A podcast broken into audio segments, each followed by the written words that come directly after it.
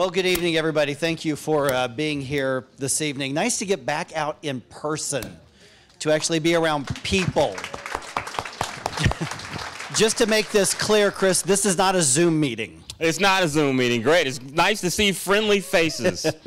and uh, my name is Mike Ferguson. I'm the host of the morning show on News Talk STL. Uh, wonderful to work with my friends at the Show Me Institute. Again, I've spent a lot of time. Actually, I used to work for the Show Me Institute uh, with Show Me Opportunity as well. And now here we are with News Talk STL. If you've not checked us out yet, please do. In St. Louis City, we're at 101.9. And uh, if you are in St. Charles County, north and into the Illinois uh, area, it is 94.1, of course, newstalkstl.com. And we've got all of the social media sites that, uh, that you can join us on Facebook, Twitter. I've heard we're on Instagram. My daughter tells me I'm not cool enough to be on Instagram, but newstalkstl is uh, out there. So we've got a couple of introductions. There's probably a few people still looking for some parking.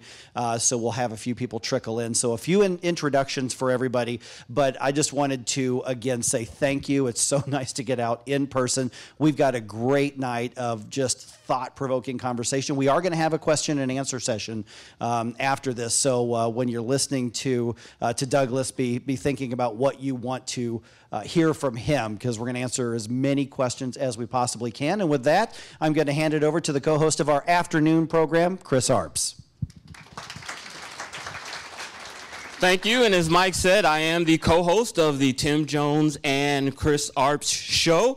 And before we get started, I just want to acknowledge some of the News Talk STL staff that are here.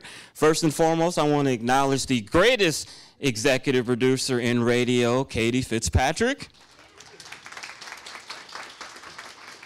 I want to also uh, introduce the producer for the uh, Mike Ferguson Morning Show, Ken Williams, back in the back. And then I want to uh, introduce the exceptional management staff at News Talk STL, the one, the brains that had the idea to put together this station. Uh, Jeff Allen's back there. Hi, Jeff. Joe and Michelle Rush. And also, you know, every station has a voice that when you hear it, you know, you know, that's that particular station. The voice for News Talk STL is the one and only Jim Modlin. Hi, Jim. Good. And so, without further ado, uh, I will introduce the uh, president of the, show, of the Show Me Institute. Get my paper out, sorry. Brenda Talent is the CEO of the Show Me Institute, the only think tank in Missouri dedicated to promoting free markets and individual liberty. Before joining the Show Me Institute a little over 10 years ago, Brenda Talent was a tax lawyer. Prior to that, she served as a captain in the United States Army Judge Advocate General Corps and as a commissioner on the Army Court of Military Review. Uh, Talent has lived in Missouri for over 30 years. Her husband is Jim Talent, a former U.S. Senator and Congressman, and I was proud to say that I was a staffer for Senator Talent at one time. And rumor has it, and I don't think it's a rumor, is that she was the one who ran his first campaign for Congress. Brenda's passion is for Missouri to be a light of freedom and prosperity among of the states. Brenda Talent.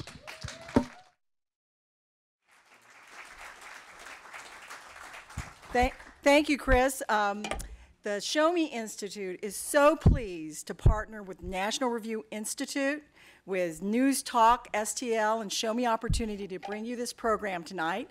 Um, I see many faces that know about the Show Me Institute, but if you don't, we are an independent research and education organization. We focus on Missouri fiscal and economic policies from a free market lens. Uh, we don't believe that more government is the solution to every problem facing our citizens.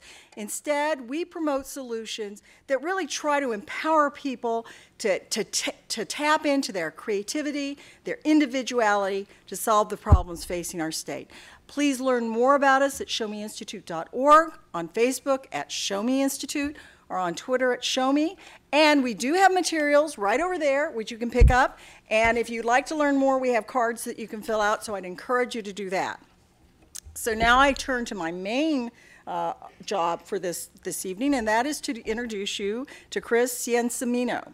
Chris is the Director of Regional Development at National Review Institute. In this role, he's responsible for managing relationships with the National Review Institute's friends and donors, um, all in the Midwest. He's in a, he came to town from Milwaukee, where he lives with his wife, two daughters, two dogs, and two cats. And rumor has it that he's a Brewers fan. But we'll try not to hold that against him. So, Chris, would you like to say a few words?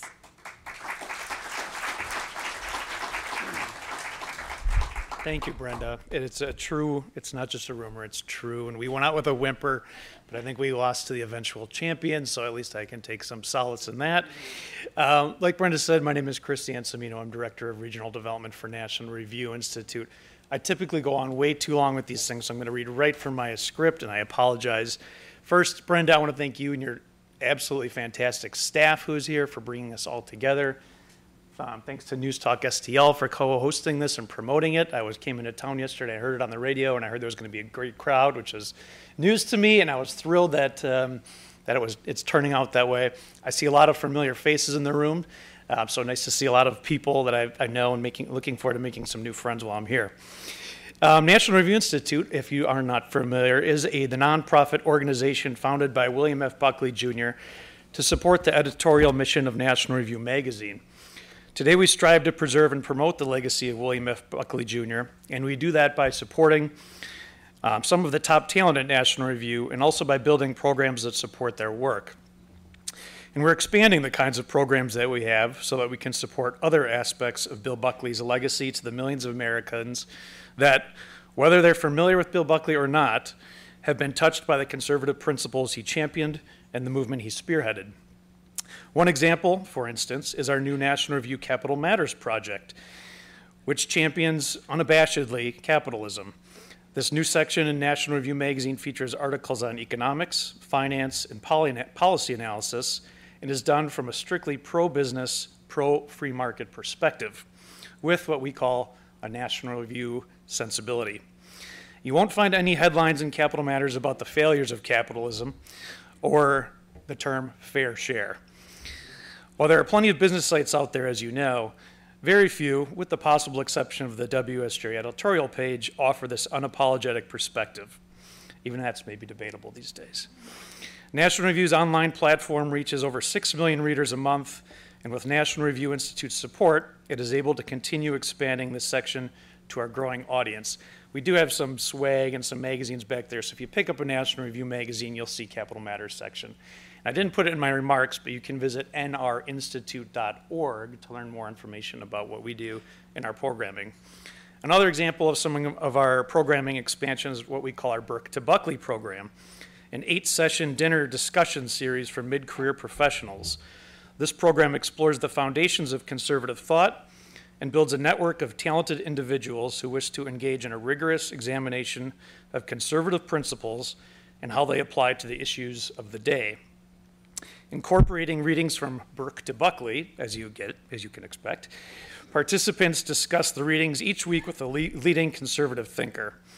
Currently operating in Dallas, New York, Chicago, and Philadelphia, we're pleased to be expanding this program to Miami this spring. If you happen to know anyone in any of those cities that would like to participate, please have them visit our website. Those are just two simple ways that National Review Institute works to amplify the work of the magazine and promote our top writers beyond those pages. And speaking of our top writers, which gets me to my key job tonight, we are so pleased to have one of them with us tonight in Douglas Murray. Douglas is a best selling author, an award winning political commentator, and a senior fellow at National Review Institute. He has written books on terrorism and national security, freedom of speech, Douglas's latest book, The Madness of Crowds Gender, Race, and Identity, which I see several copies of tonight. I see some people got it autographed. Very well done. Investigates the rise of woke culture and identity politics. He is associate editor of The Spectator, which, if I have my history correct, is the oldest weekly magazine in the world, and a Fox News contributor. His new book, The War on the West, is coming out this April, and you can pre order that now. It will inform some of his talk tonight. We are so pleased to have him stateside with us tonight. Ladies and gentlemen, Douglas Murray. Thank you for that. Thank you very much. Do, thank you. Thank you so much. Um, what a great pleasure it is uh, to be in this fine city and to see all of you here tonight. It's a real pleasure. It's my first time here, and I should uh, thank uh, the Show Me Institute, uh, the National Review Institute, and News Talk STL for uh, arranging this evening. And I'm really looking forward to Mike and Chris, um, who I, I, I don't know if we're having some questions before we go to you or whether the plan is that they are here to protect me from you in some way. we'll have to see. But um, I, I, really am up for any questions you want to ask on anything I mention in my remarks and, and anything I don't as well. Please feel free to, to when we get to Q&A, ask whatever you like because it's a bit I really enjoy. Um, let me just say also, it's um, a particular thrill to be in St. Louis because um, St. Louis was the birthplace and home of a man who completely changed my life. Um, and I've spent part of today uh, on the trail of him. Uh, that man is T.S. Eliot. Um, I went uh, this morning to Locust Street to see the, the, place where he was born and spent his childhood years, and, and then uh, to Westminster, which is a more salubrious street these days than Locust Street. And um, um, without making any slight against the fine residents of Locust Street, uh, who doubtless are all here tonight and are going to speak in the Q&A. Um, but I wanted to mention him because uh, the reason he changed my life was the same reason that he changed the life of one of my great friends and mentors, uh, the late Roger Scruton. Um, Roger wrote in his memoirs, in his own memoirs, uh, Gentle Regrets, that T.S. Eliot had saved him from Oswald Spengler. Uh, let me just tease out what that means. Uh, Spengler wrote the, a very famous work in the 19 uh, teens called The Decline of the West. And this saw Western decline as effectively inevitable for reasons that Spengler lays out at enormous length. And it's extraordinarily searing and intense work, which swept a lot of people along, including the young Roger Scruton. And uh, Roger says in, in, Gentle Regrets that, that it was T.S. Eliot who saved him from Spenglerism. And I had exactly the same experience, not just with Spengler, but with other writers as well. What is it that made T.S. Eliot able to have this influence and have, have this influence still? Um, if I was to nail it down to one thing, it isn't just his extraordinary insight into the possibility of the regaining of time, which is a concept which I could go on about all night. It's, it's about something else. It's about the possibility of cultural revival. It's the possibility that things that are dead can be reborn, things that seem to be lost can be found. Just because something has gone for a period, sometimes of millennia, does not mean they're lost forever. Uh, there are quotations he gives in his works, particularly in The Wasteland, uh, which, Uh, from, for instance, from Dante. If you meet any student at any Western university and ask them to tell you something about Dante, the most likely thing is they know about Dante because of T.S. Eliot. So a man born in St. Louis has, in our own day, led students back to a Florentine poet from the 15th century. And that's a remarkable thing, not just because it demonstrates that's possible in literature. It demonstrates that it's possible across the wider culture. The possibility of revival, revivic- re- revivification of the culture. Now, um, this slightly cheekily titled talk, Reflections on the Revolution in America, is of course referring to a work which uh, by the, somebody who was just mentioned, Edmund Burke. Edmund Burke, the, the, now regarded as perhaps the greatest foundational philosopher of conservatism, um, was in his day perhaps not really regarded so much as a philosopher. He was a parliamentarian and a pamphleteer and much more. But his uh, reflections on the revolution in France, another searing work, um, had one intention in particular, uh, not to simplify this work. It was to do this thing. It was to cut Britain off from the influence of revolutionary France. After 1789, thinkers like Burke, parliamentarians like Burke, patriots like Burke in my country of birth were horrified by what they saw across the channel. This was, if you like, an early form of uh, socialism. It was an early form of Marxism. It was pre Marx Marxism. Uh, the slogans of the revolution in France were all the slogans that you can hear today about uh, equality and fraternity. And uh, Edmund Burke was not the first, well, he was one of the first, but he was certainly the most perceptive to recognize that the people talking about equality did not seem to be very good at it in practice. And there was an awful lack of fraternalism when they got to the terror. And Burke's insight, apart from anything else, and one of the things that makes him a conservative philosopher, is that he had this instinct that sometimes drove him to excess in the reflections in the revolutions in France. He ends up in one passage famously uh, not just defending but revering Marie Antoinette, which in historical terms is, is, is a dubious proposition. She, she, she has good critics. Um, but, but he does this why? Because his instinct is that whatever the status quo was, whatever its downsides, everything that the revolutionaries were planning was going to be a hell of a lot worse. And he was right. He foresees everything that's going to come next. There's a wonderful moment in Hilary Mantel's novel on the French Revolution, A Place of Greater Safety, where the revolutionaries are in the parliament trying to debate uh, their rights that they're going to now acquire. They're so thrilled about the rights they're going to have. And Hilary Mantel has a great moment where she says, Some people in the council wanted to talk of laws, but that was a less exciting proposition, so that was put off for another day. Um, so Burke in his day was trying to cut England off from the influence of revolutionary France, and he was one of a huge number of people who had an effect to help make that possible. One of the reasons I chose this title, uh, uh, slightly cheeky title for the talk tonight, is because something slightly similar is happening in our own time. And it's something which, uh, as a lifelong admirer, lover of America, saddens me enormously, which is that there is now a global attempt around the world, particularly in the West, for countries to cut themselves off from America, and specifically from American culture. This, by the way, is a new thing. I've written quite often in the past about bad thought ideas that have permeated from my side of the Atlantic to this side of the Atlantic. And uh, hands up, there's no shortage of them, particularly from France, I should say.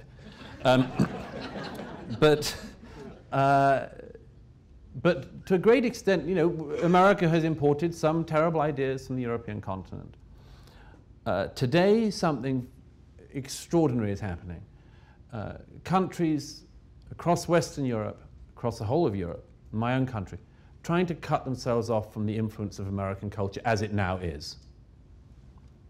Uh, in France, this is perhaps most developed. French academics recently joined together to sign a declaration which in France really matters. Uh, they signed this, this joint letter saying that we mustn't allow the importing of American academic culture to our country. We must keep it out. Uh, the president of the republic, the, uh, President Macron, who's not a man of the right, uh, sort of squidgy centre somewhere. Um, uh, President Macron has said the same thing. We want to cut ourselves off from these cultural imports coming in from America. That is a quite extraordinary thing to have and to be hearing from uh, the French president and from senior thinkers and philosophers across France. Why are they doing it? It's the same reason that, that the, my own country of birth, Great Britain, this is happening to some degree. It's because people are realizing that there is some terrible thought disease that has been coming out of this country, which works hideously in this country and is highly unlikely to be working around the rest of the world. Um, so, having given you some bad ideas, you seem to be giving us some back.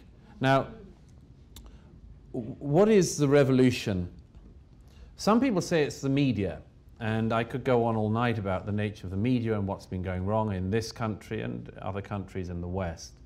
the media, which I've uh, spent my life in, is, um, is riven with troubles these days. You, by the way, have some troubles that we don't have back home. Some of us were talking about this over dinner last night. In Britain, we have a very strong right of centre print media.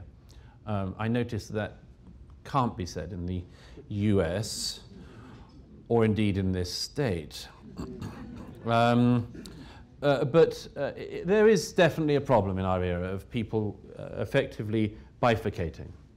We absorb different media, we absorb different opinions, absorb different news. And then there's this follow on from that that's got so much worse in American culture in recent years. Something I noticed last year when I was covering the election and went through only about 10 states or so, but I noticed it very close up and wrote about this for National Review, among other places. You noticed that uh, people now had their own facts um, and just couldn't agree on things that had happened. Uh, I, I, was wondering, having not at that point been in the US for a couple of years, I was wondering why, whenever I sat down at an American dinner table when I was invited, uh, why I would find that people would just row furiously with each other. Um, uh, uh, families, friends, former friends, everyone was falling out over everything. And I realized that one of the fundamental things is that we couldn't agree on things that had happened. I, I realized that um, many people I was with couldn't agree that Donald Trump had won the last election, the 2016 election. They just didn't think he had. Uh, then we had the added problem after the last election of another part of the population saying that, that that election had gone the other way. So if you can't agree on who wins elections, you're in real trouble. I mean, you're in real trouble. Not least because one of the great things about losing elections And I say this um, having uh, many friends who've lost many elections in many countries. One of the great things about losing an election is that when you lose, you need to work out why you've lost and try to win next time. And I mean, the fact that the Democrats spent four years not working out why they lost in 2016 and pretending it was because of a Russian bot was their loss, but it was also America's loss, I think. And the same thing is at risk with the Republican Party, I have to say. I think that there is a great risk that if, uh, if there can't be a real reckoning with how this happened and a sorting out of it, this isn't going to get any better. Now, all of that can be said about the media, about echo chambers, about uh, um, the loops that people are in, the positive feedback loops that people are in. But that seems to me not to be the absolute center of what is going on in this country that's so difficult at the moment. The central thing that's going on in this country at the moment that's so difficult, it seems to me, is this. It is that there has emerged a very fundamental attempt to rewrite the story of America, to entirely reframe the history of this great nation. Uh, and I want to give just four examples of where I see this really clear in uh, just the last couple of years. And I'm going to refer to direct quotes just so that I don't get any of this wrong. The first, you'll be unsurprised perhaps to hear, is the 1619 project launched by the New York Times. This, by the way, is an example not just of an attempt to rewrite history, but an extraordinary intervention by a newspaper. Uh, for a newspaper to decide to change the founding state, the founding date of the state they're in, is a thing I, I, I can't think of in any previous era as being even imagined to be the role of a newspaper. Uh, you're meant to report the sports, you're meant to report the news, you're not meant to rewrite history. But this was a stated aim of the New York Times when they launched the 1619 Project. They said, and I'm quoting, the 1619 Project is a major initiative from the New York Times observing the 400th anniversary of the beginning of American slavery. It aims to reframe the country's history understanding 1619 as our true founding and placing the consequences of slavery and the contributions of black Americans at the very center of our national narrative. Now, um, they've been rather weaselly about this since, um, because a lot of people said, You said that you're actually reframing the dates of our true founding. You, are saying we were truly founded in 1619. Um, the New York Times since has quietly, silently edited its website. So that little bit is not in there at the moment. So then they say, we didn't say that. Well, you don't say it at the moment, but you did say that. Um, this, uh, the, the, uh, the non-historian who was hired by the New York Times to lead this project, Nikole Hannah-Jones, has no training as a historian, is not respected as a historian, is a very strange person to hire as a historian. It's like hiring me to run your local basketball team. I mean, you could, it's just strange. Um, um, she said, uh, um, she said that making this claim about uh, 1619 being our true founding is the purpose of it. She said uh, the 1619 project does not argue that 1619 is our true founding. Uh, and, uh, and was just caught out immediately afterwards because her own editor at the New York Times said the following he said, Jake Silverstein, we sort of proposed the idea in a variety of ways that if you consider 1619 as a founding date of the country rather than 1776, it just changes your understanding, and we call that a reframing of American history, like you're moving the whole picture over to a new center point. They now say, we never said we're trying to reframe the history of the country. They are. They stated it repeatedly until people caught up with them. And then they said that wasn't what they were doing. Number two the complete rewriting of the founding fathers. It's uh, just astonishing to me. I was saying this to a friend last night uh, um, that uh, routinely it happened again the other week. A statue of Thomas Jefferson has to be hidden at an American university. It has to be removed, uh, put inside into, as it were, a safe space for the statue. I, am um, I uh, went around um, uh, Portland, Oregon. Um, uh, for the purposes of disaster tourism, really. Um, last, uh, uh, last October, ahead of the uh, election, and, and to Seattle, which by the way, is a very, very sad sight these days. Gosh, that used to be a beautiful city. Gosh, it used to be a beautiful city, and wow, is it a dump now. Uh, they have just wrecked that city. Um, and I was going around Portland, Oregon, and they had, by then, the, just as I got there, they took down the last statue, it was a statue of Lincoln um, so I said to the friend who was showing me around, I, I, I said, um, the only opportunities for tourism in Portland going forward is if anyone's really interested in empty plinths. if, if you're into empty plinths, it's a fine vista in Portland. You can just get empty plinth after empty plinth. If you're interested in statues, there's nothing to see. Uh, but this, this, we were told when this outburst of iconoclasm began, we were told that this was just Confederate monuments.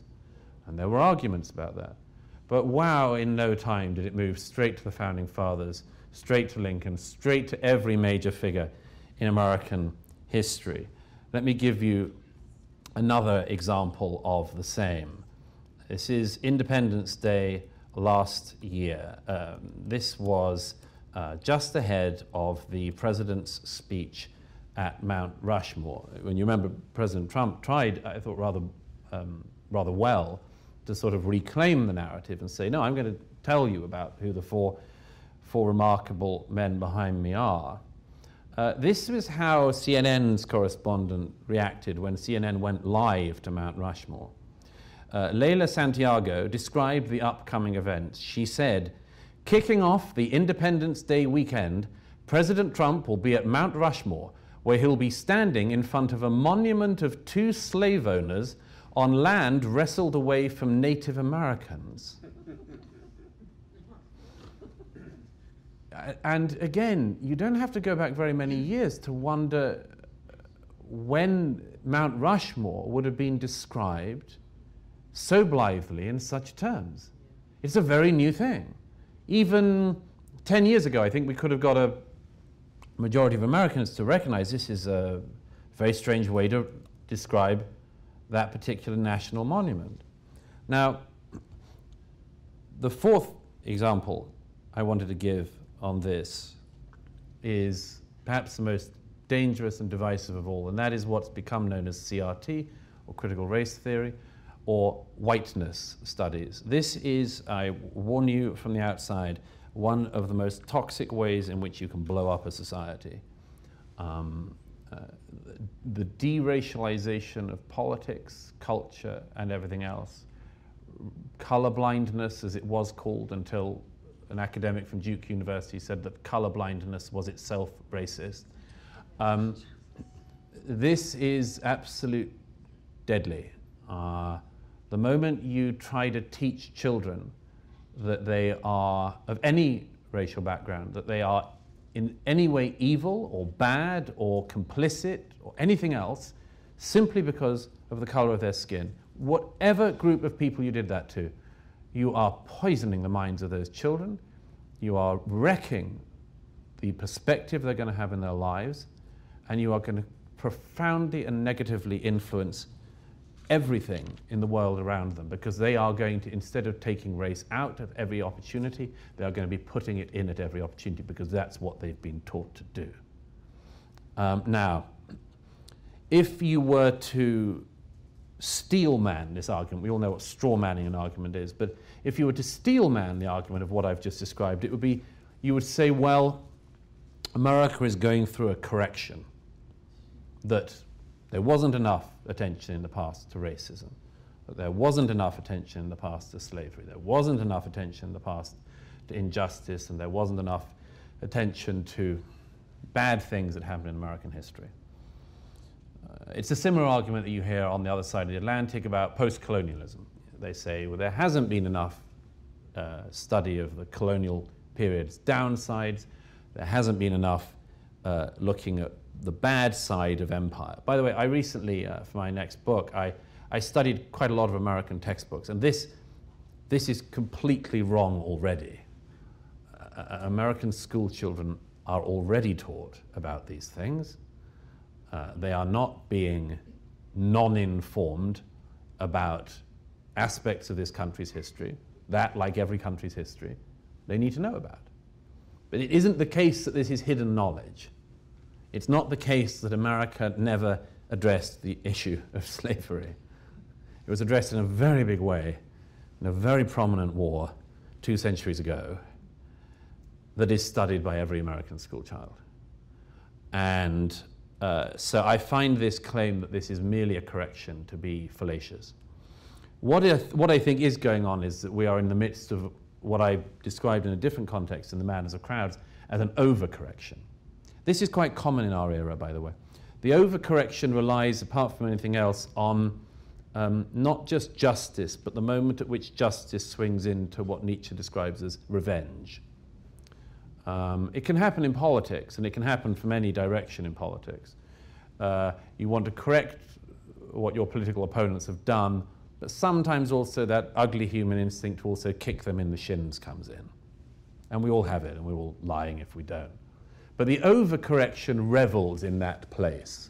I described in the Madness of Crowds four overcorrections in relation to social issues, uh, sexual issues, and more, where I think, uh, you know, when you hear feminists talking about men as if, like, men have no good thing to be said about them, you know you're in an overcorrection.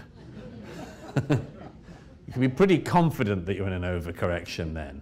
You think, okay, you can criticize men a bit, but must be something we can do right. Um, there's, there's, um, there's a lot of other areas in social issues where the same, that same ugly instinct has come in. But the most dangerous one is where it comes in by reevaluating your entire history. Let me give you uh, um, a couple of examples of where that has happened in uh, recent times in America. Um, and I'm going to use just one uh, example, one uh, media organization as an example of, of where this has, I think, gone wrong. Because I think what has gone wrong is not an understanding of the American past that is wrong, but a misperception of the American present. And I'm going to get onto exactly why that is. But let me just first give you some of the, the, the facts of how I think this has come about. It's a lethal thing when you fail to accurately understand the world around you and the society around you. And that, to a great extent, and indeed provably, as I'm going to show you, is where America is at the moment, on a range of the most dangerous, tricky issues. Um, everybody here well knows the situation that occurred in Ferguson. Um, everybody knows the way in which the press reported it at the time. And everybody knows how much little coverage there was when some of the facts finally came out about exactly what had happened there. And it was a different story. Now, some of the media had the good grace and the honesty to admit uh, that they'd got it wrong. One such paper was the Washington Post. They actually, they actually ran the story of saying that uh, Michael Brown had, had, had, not shouted, hands up, don't shoot, and had not been unarmed much more. By the way, an example of the way in which this stuff spills over these days, I went to the first BLM protest in London in 2014, 2015, uh, observing it as a journalist. And if you'll pardon the levity about what is a serious subject, but um, the protesters in London, about a thousand of them were marching down Oxford Street with their hands up in the air, saying, Hands up, don't shoot, accompanied by unarmed British police officers who, who, couldn't have shot them if they'd wanted to. Uh, we, we, don't have an armed constabulary. So, so I watched this with an element of wryness. But the Washington Post did have the decency to correct the record, which not every paper did, I can assure you. Um, but even a paper like the Washington Post, once venerable, uh, is not immune from introducing insane content, concepts into the body politic. After the election uh, last year, uh, it's just after the election in November, when whatever else had happened, Donald Trump had very demonstrably increased the share of the vote for the Republican Party among black men in this country, among uh, Hispanics, uh, and other groups, and had, of course, very interestingly, declined among uh, certain portions of the white uh, communities in the US. Now, uh, again, as, a, as, an analyst of these things, there are all sorts of interesting things to be said about that. As a partisan, you could play all sorts of games around that from both sides. But what did the Washington Post do? It decided to do what so many people in this country do now, and it decided to completely miss the point. the Washington Post decided to look at these facts of the Republican share of the vote among ethnic minorities rising and come up with a term. You can't do this with a straight face. Multiracial whiteness.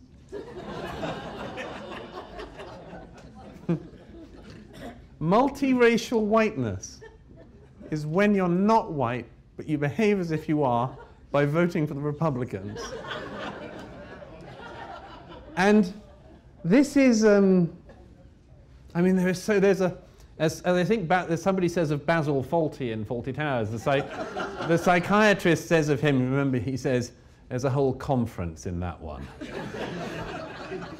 there is a whole conference in the concept of multiracial whiteness, rather than this is fascinating that this group of, this group of people who were historically more voting that way are now voting more that way. That's what a journalist would do. You'd just be looking at what the facts are. That's fascinating. But no, it's coming up with these very strange theories. Now, on a more serious note, what does this mean when you end up uh, uh, misrepresenting your society so much that people actually have uh, a totally false, wildly off understanding of their society. You get to the situation we're now provably in, in America. And let me just zone in on that. The most uncomfortable conversation in America uh, police shootings involving black Americans. Uh, actual public understanding of this issue is wildly and provably out of sync with reality. Um, when US citizens were polled recently and asked how many unarmed black Americans they believe are shot by police in a year, the year in question selected was 2019. When Americans were asked how many unarmed black Americans they believe were shot by the police in 2019, the numbers were out by several orders of magnitude. Several orders of magnitude. Among people who described themselves as, quote, very liberal, 22% of those people said that they thought that the American police shot about or more than 10,000 unarmed black men that year. About or more than 10,000 black men in a year. And now, among self identified liberals, that's not very liberals, liberals, 40% thought that the figure was somewhere between 1,000 and over 10,000. The actual figure was somewhere around 10. And that's a terrible fact. It's a terrible fact on its own. But it means that the public perception is wildly out of kilter with the reality. By the way, by proportion, it is, the case that unarmed black Americans are slightly more likely to be shot by the police than unarmed white Americans. But as it also happens, uh, figures again compiled by the Washington Post Police Shootings Database confirms that in the years before the death of George Floyd, more police officers were killed by black Americans than unarmed black Americans were killed by the American police. And these are, these are very difficult corners. But here's what I think has been happening, and I wrote about this in National Review recently. What has been happening is something like the effect when you have a magic lantern. One of the reasons why America fights so intricately on these cases is that what happens here matters. And what happens in cases like this matters.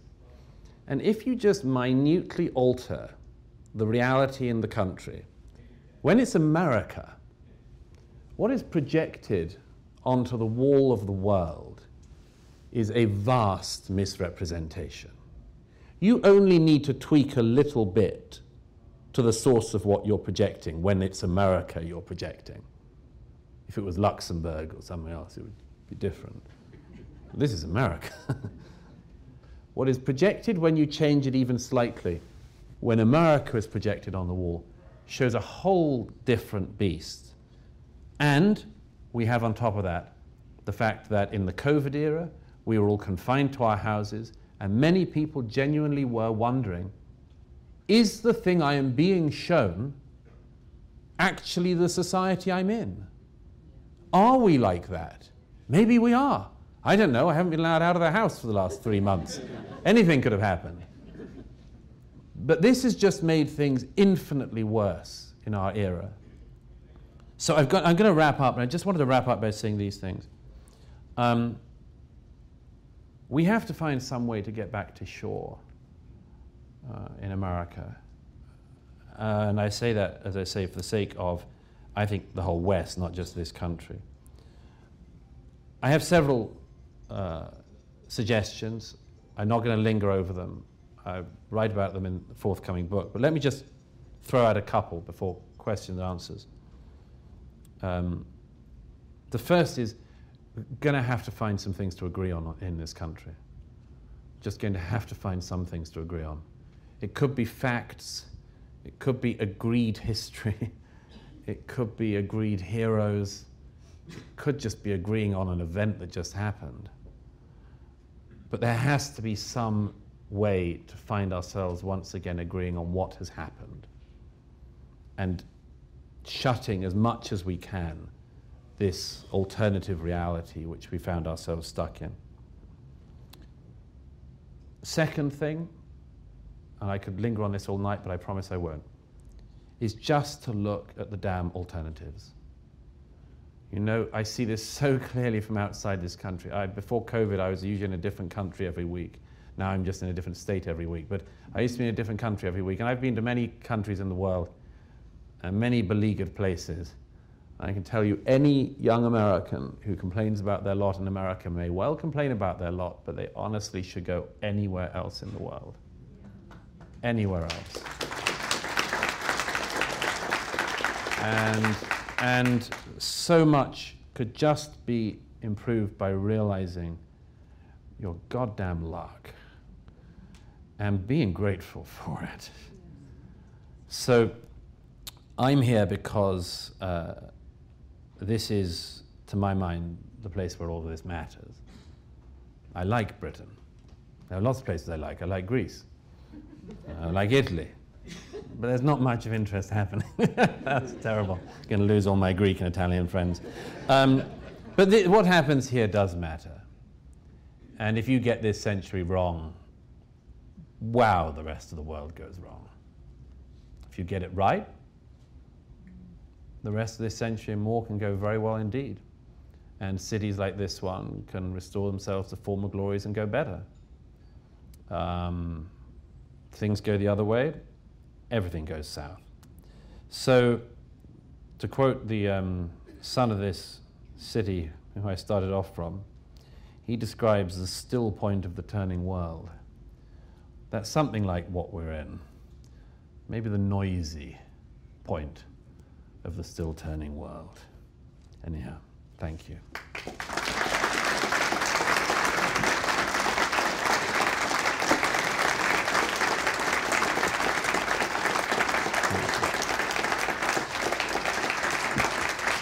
Douglas, thank you very much. Uh, what we're going to do now is we've got not quite 15 minutes. We're going to do a question and answer session. And one of the things that tends to happen at things like this is somebody, before they ask a question, make their own speech. Uh, we want to get as many questions as we can. So what we'll do is Chris Arps up uh, front and I will go back and forth uh, between the front and the back to get everybody's uh, everybody we can uh, a chance to ask a question. But please go right to the point of the question. But before we do that, uh, I missed somebody. Chris, we missed somebody earlier. The, uh, the most popular weekend host in St. Louis radio history is Mr. Randy Tobler. And he got in, and I didn't realize it. So great to see you, Doctor. And uh, with that, uh, Chris, uh, if you have a question, just go ahead and raise your hand. Chris, you pick somebody at random up front, then I'll go from here. And again, please go right to the question, and we'll get as many exchanges as we can in as possible. We've got this uh, young man right here. Uh, you said that the program was to rewrite the history of America, and I thought you said you had four points. So I got the New York Times with the 1619 Project, rewriting the Founding Fathers, and the CRT and whiteness. Did I miss one? And Independence Day, Independence Day as it were, the post-founding fathers, so that even, even Lincoln, you know, because that's where they started off. They started off with, you know, it's only these people, then it's only these people, then it's you know, and then on and on, till there's no one left.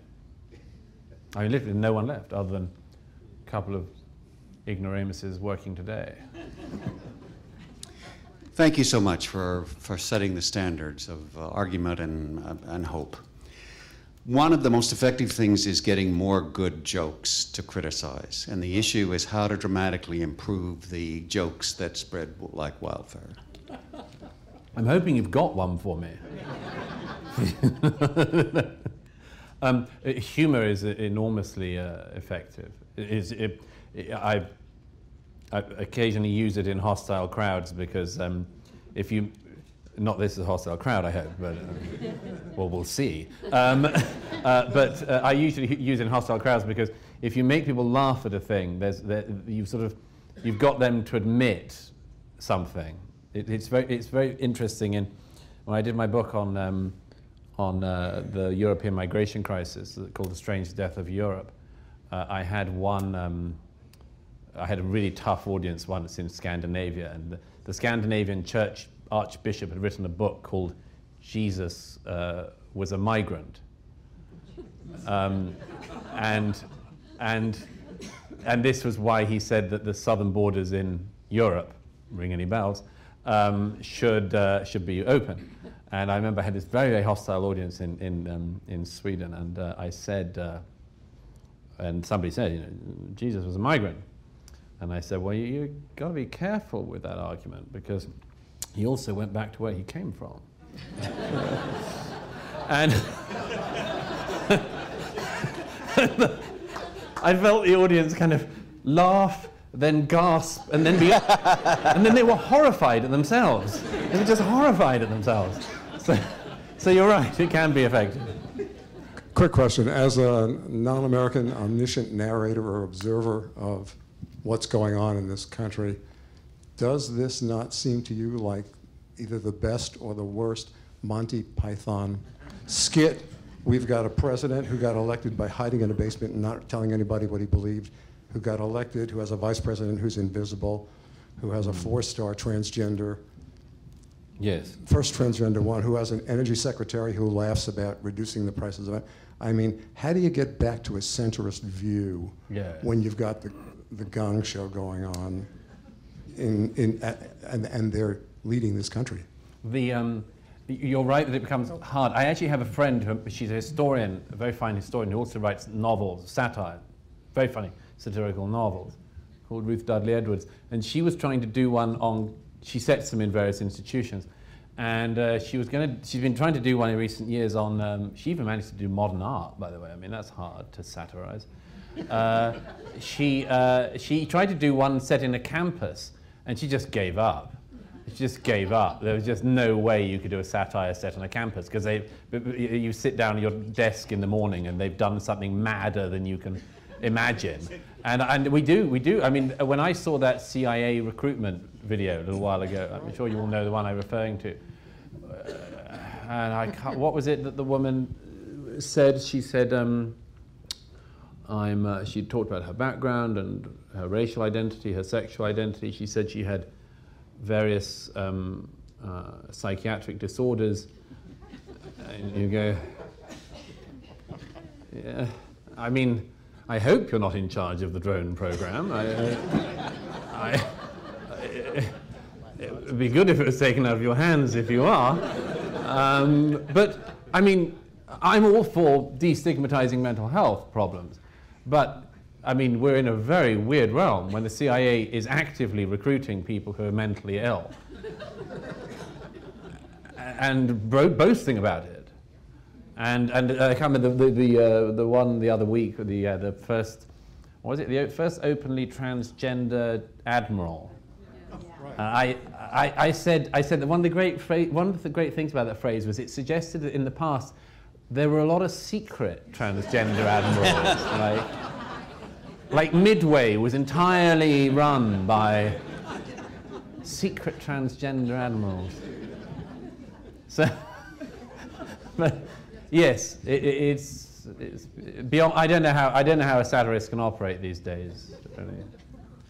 Douglas, if I could just follow up on what he said regarding things to, to joke about, could you give your assessment and viewpoint of what we call cancel culture now, where you may not run afoul of the law, but uh, you can run afoul of a mob that wants wants corporations in the private sector to to end your career and ostracize you? And then I know we have a question in the middle here. And we've got one here. Um, I'm not a great fan of the phrase cancel culture. I'll tell you why. I'm not a great fan of whinging. Uh, uh, it's a, maybe it's a British thing. Um, I don't know. I don't like whining and belly aching. And when people say, "Oh, I've been cancelled," I fear it's got too much of that. Um, uh, most of the time, I'm now I, I speak from a very privileged. I'm confessing my privilege. I speak from a very privileged position in that I've been a writer all my life. And I can say what I want. It's wonderful, by the way. Um, uh, I recognize that a lot of people in their places of work do not have that privilege. And that, that really is a privilege. Now, my hope is that in sector after sector it becomes easier. Uh, the evidence in recent years it's become harder and harder. Uh, we had uh, a man in the UK who worked in the supermarket, Asda, who was fired for a Facebook video he shared from the hilarious Scottish comedian Billy Connolly, making a joke about Islam. And uh, I think it's outrageous that a joke should be made by our best loved, most foul mouthed comedian. And he gets millions of pounds for doing it, and this supermarket worker gets fired for sharing it. And that's completely unjust. And it's those cases I worry about more in a way. I think the ones that are sort of famous, I mean, like J.K. Rowling hasn't been cancelled. You couldn't cancel J.K. Rowling. You can't like, get rid of Harry Potter. That's it's never. It's, it's, she's been horribly attacked and and horribly defamed by ghoulish people. Um, but she, she's she's not destroyed. You know, there are people who have been uh, and, and senior people. Like there's a boss at KPMG, one of the partners, who said in a meeting. He's from Australia. God, I love the Australians he said, uh, he said in this meeting, uh, CRT is a crock of, you know. Uh, now, that you may say that that was um, firm talk, but it was not untrue. In fact, I can prove it's true. Um, but he was, he was fired. He was fired. He was a partner at that. huge firm. So that is real, and it's a big problem. Uh, but it has to be pushed back against, and I want it to be pushed back by a bit of civic courage. And that's what I always encourage. I think people can do it. I think we can all do it. Everyone in their lives can do it. You just speak up a little bit more. If everyone, you know, it doesn't require kamikaze acts of bravery by people. I really not, I'm not urging that. If anyone writes to me tomorrow and says, I told my boss what I thought of, you know, I reiterate, no kamikaze moves, or at least I'm not liable. Um, but if everyone just took a bit of a step forward, just a bit of a step forward with their friends, with their family, with their colleagues, make things a hell of a lot easier. All the polls show this strange thing in America, as in Britain, that the public believe one thing and everything you're meant to say is another. And by the way, sorry, very quickly, uh, because there was a segue from the comedian point, we've got to pay tribute to the fact that American comedians have all become sermonizers. I mean, wow, when did that happen?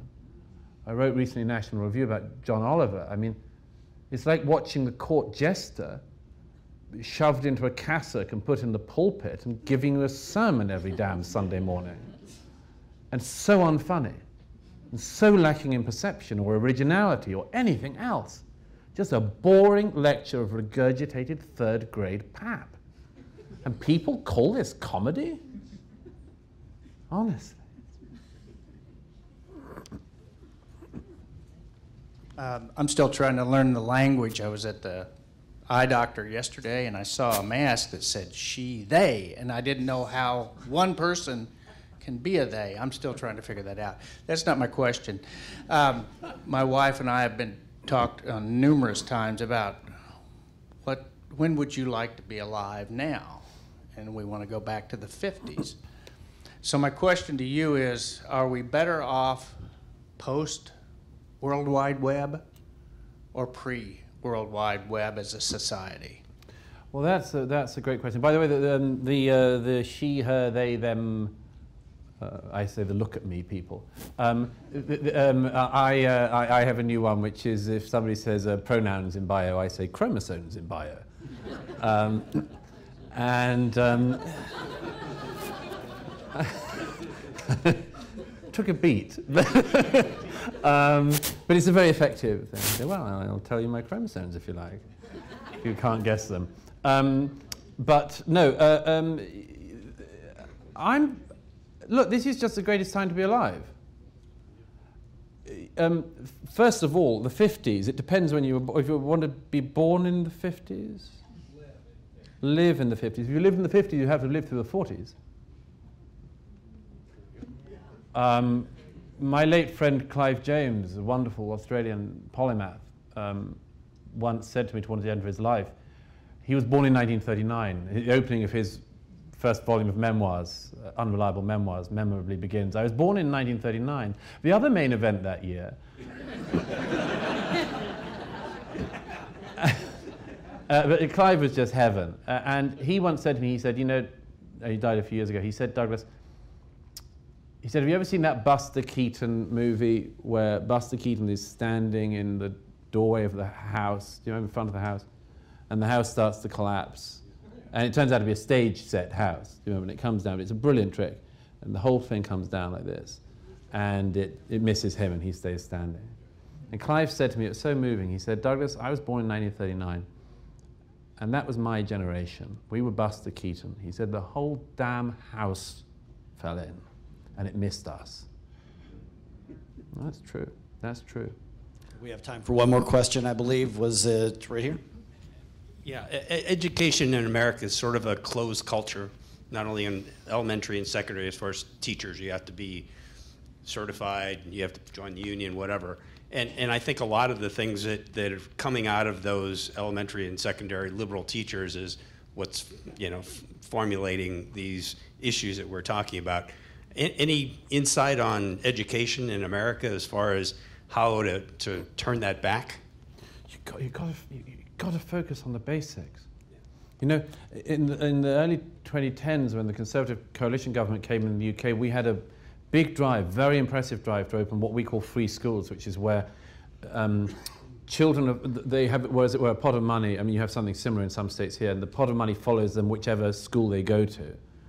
And, you know, parents overwhelmingly want their children to go to schools with strict standards, strict rules. There are se- several I've visited in the UK, just incredibly moving. Like, there's one where every child is of immigrant background, and one child you could count as middle class, the rest all working class or unemployed parents.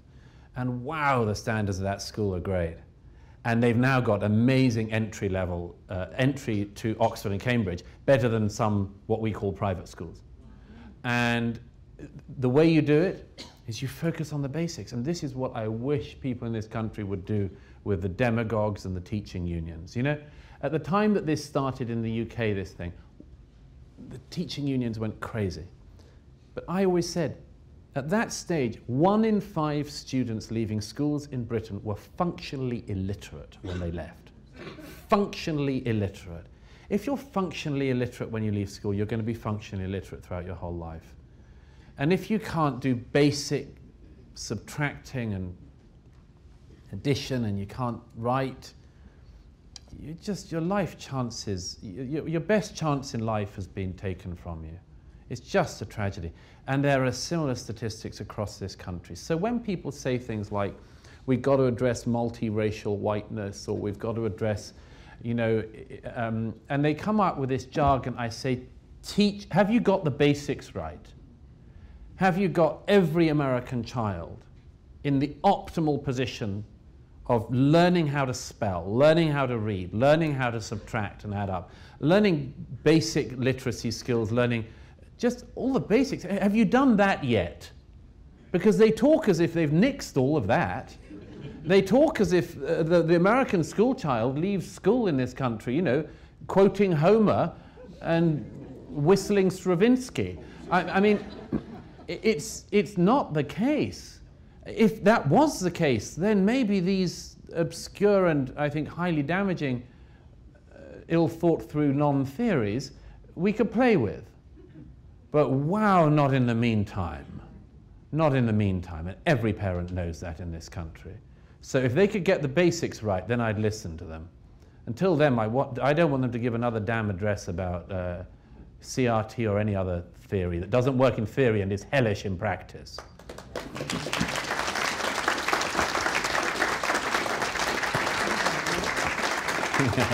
Thank you. Thank you.